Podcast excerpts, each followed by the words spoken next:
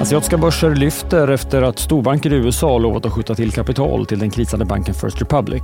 Beskedet fick också Wall Street att rusa in i stängning ledd av Nasdaq. Stockholmsbörsen ser ut att stiga något vid öppning. Du lyssnar på det i Morgonkoll. Jag heter Alexander Klar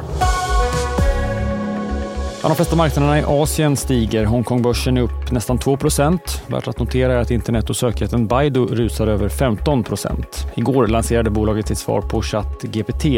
Bolagets egen chatbot som får namnet Ernie får tummen upp av flera analytiker. Och börsen i Fastlandskina stiger kring 1% Bland enskilda aktier lyfter Geely 1% och bolaget har sålt hela sitt innehav i lastbilstillverkaren Daimler Trucks. Geely som är storägare i Volvo Cars äger också drygt 8% i lastbilstillverkaren Volvo. Och att Geely nu dumpar sitt innehav i Daimler öppnar för att bolaget kan ta plats i Volvos styrelse där man inte suttit tidigare på grund av en tydlig intressekonflikt. Geely är kvar som ägare i Daimlers personbilsdel.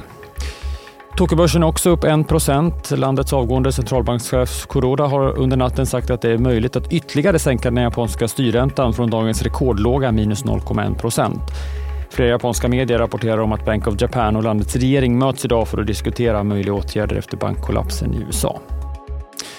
Wall Street stängde på dagshögsta igår just på grund av banklättnader igen. First Republic Bank som inledde gårdagen nedåt, närmare 30 procent, stod i centrum. Aktien vände upp och gav hela Wall Street ytterligare fart efter beskedet att en samling av landets största banker gått samman för att stänka upp banken med en kapitalinjektion på uppemot 30 miljarder dollar.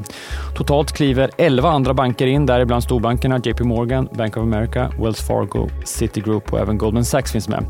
I en kommentar från den här bankgruppen så sa man att man vill visa att man har fortsatt förtroende för First Republic och för det finansiella systemet. Enligt källor så är affären ännu inte helt fastställd och det är inte en fråga om ett förvärv. Och enligt Bloomberg så var det faktiskt USAs finansminister Janet Yellen som i ett samtal med JP Morgans vd och ordförande Jamie Dimon kom på själva idén. Flera andra regionala banker lyfte också på det här beskedet. Samtidigt kom rapporter om att det gjordes stora insynsförsäljningar i bland annat First Republic innan tumultet kring banksektorn bröt ut Expressen gör varje vecka podden Politikrummet där vi djupdyker i det senaste och viktigaste inom svensk politik. Med mig, Filippa Rogvall, som programledare tillsammans med mina vassa kollegor. Och det är ju ni som heter Thomas Nordenskjöld, Anette Holmqvist och Viktor Bartkron. Politikrummet kommer med ett nytt avsnitt varje tisdag. Vi hörs.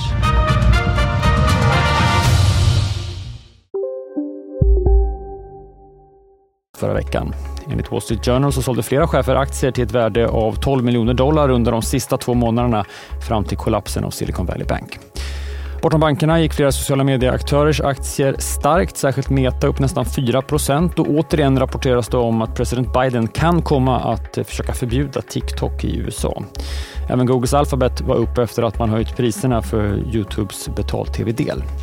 Fedex rapporterade efter stängning steg närmare 10% i efterhanden. Marknaden tog nog fasta på utsikterna då Fedex höjde prognoserna för helåret. Och på räntemarknaderna steg räntorna. Återigen såg vi ganska så stora intradagsrörelser. Tvååringen står nu i 4,17, tioåringen i 3,56. Sverige så. Avanza Fonder hotar att rösta emot Ericssons styrelse igen. Avanza, som är en av Ericssons mindre ägare visserligen, röstade emot ansvarsfrihet i fjol efter rapporteringen om Irak och säger nu att man kan göra det igen eller rösta mot valet av styrelse.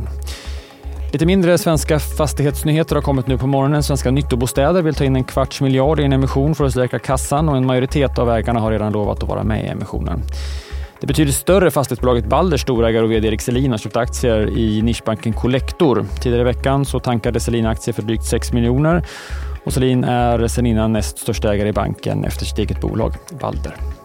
Och det blir mycket fastigheter i dagens Börsmorgon med start kvart i nio. Sven-Olof Johansson, vd och huvudägare i Fast Partner, gästar programmet och pratar inflation, räntor, obligationer och inte minst utdelningsbeslut.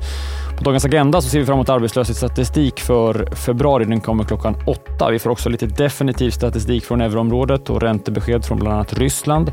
Och från USA i eftermiddag så kommer konsumentmätningen Michigan Index som nådde sin lägsta notering någonsin under eh, sommaren i fjol men har nu stigit tre månader i rad. Och förväntan ligger på ett utfall i linje med februari, vilket är så högre än på länge men fortsatt på historiskt låg nivå. OECD släpper sin första konjunkturprognos för 2023. I slutet av fjolåret så spåddes globalt BNP att växa med 2,2 procent i år och 2,7 procent nästa år. Följ oss för alla de senaste nyheterna. Missa inte heller Börsmorgon då kvart i nio eller som podd klockan 11.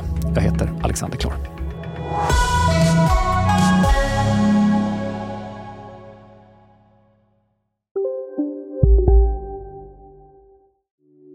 Hej, Ulf Kristersson här. På många sätt är det en mörk tid vi lever i. Men nu tar vi ett stort steg för att göra Sverige till en tryggare och säkrare plats. Sverige är nu medlem i Nato. En för alla, alla för en. Vi är specialister på det vi gör, precis som du. Därför försäkrar vi på Swedea bara småföretag, som ditt. För oss är små företag alltid större än stora och vår företagsförsäkring anpassar sig helt efter firmans förutsättningar. Gå in på swedea.se företag och jämför själv.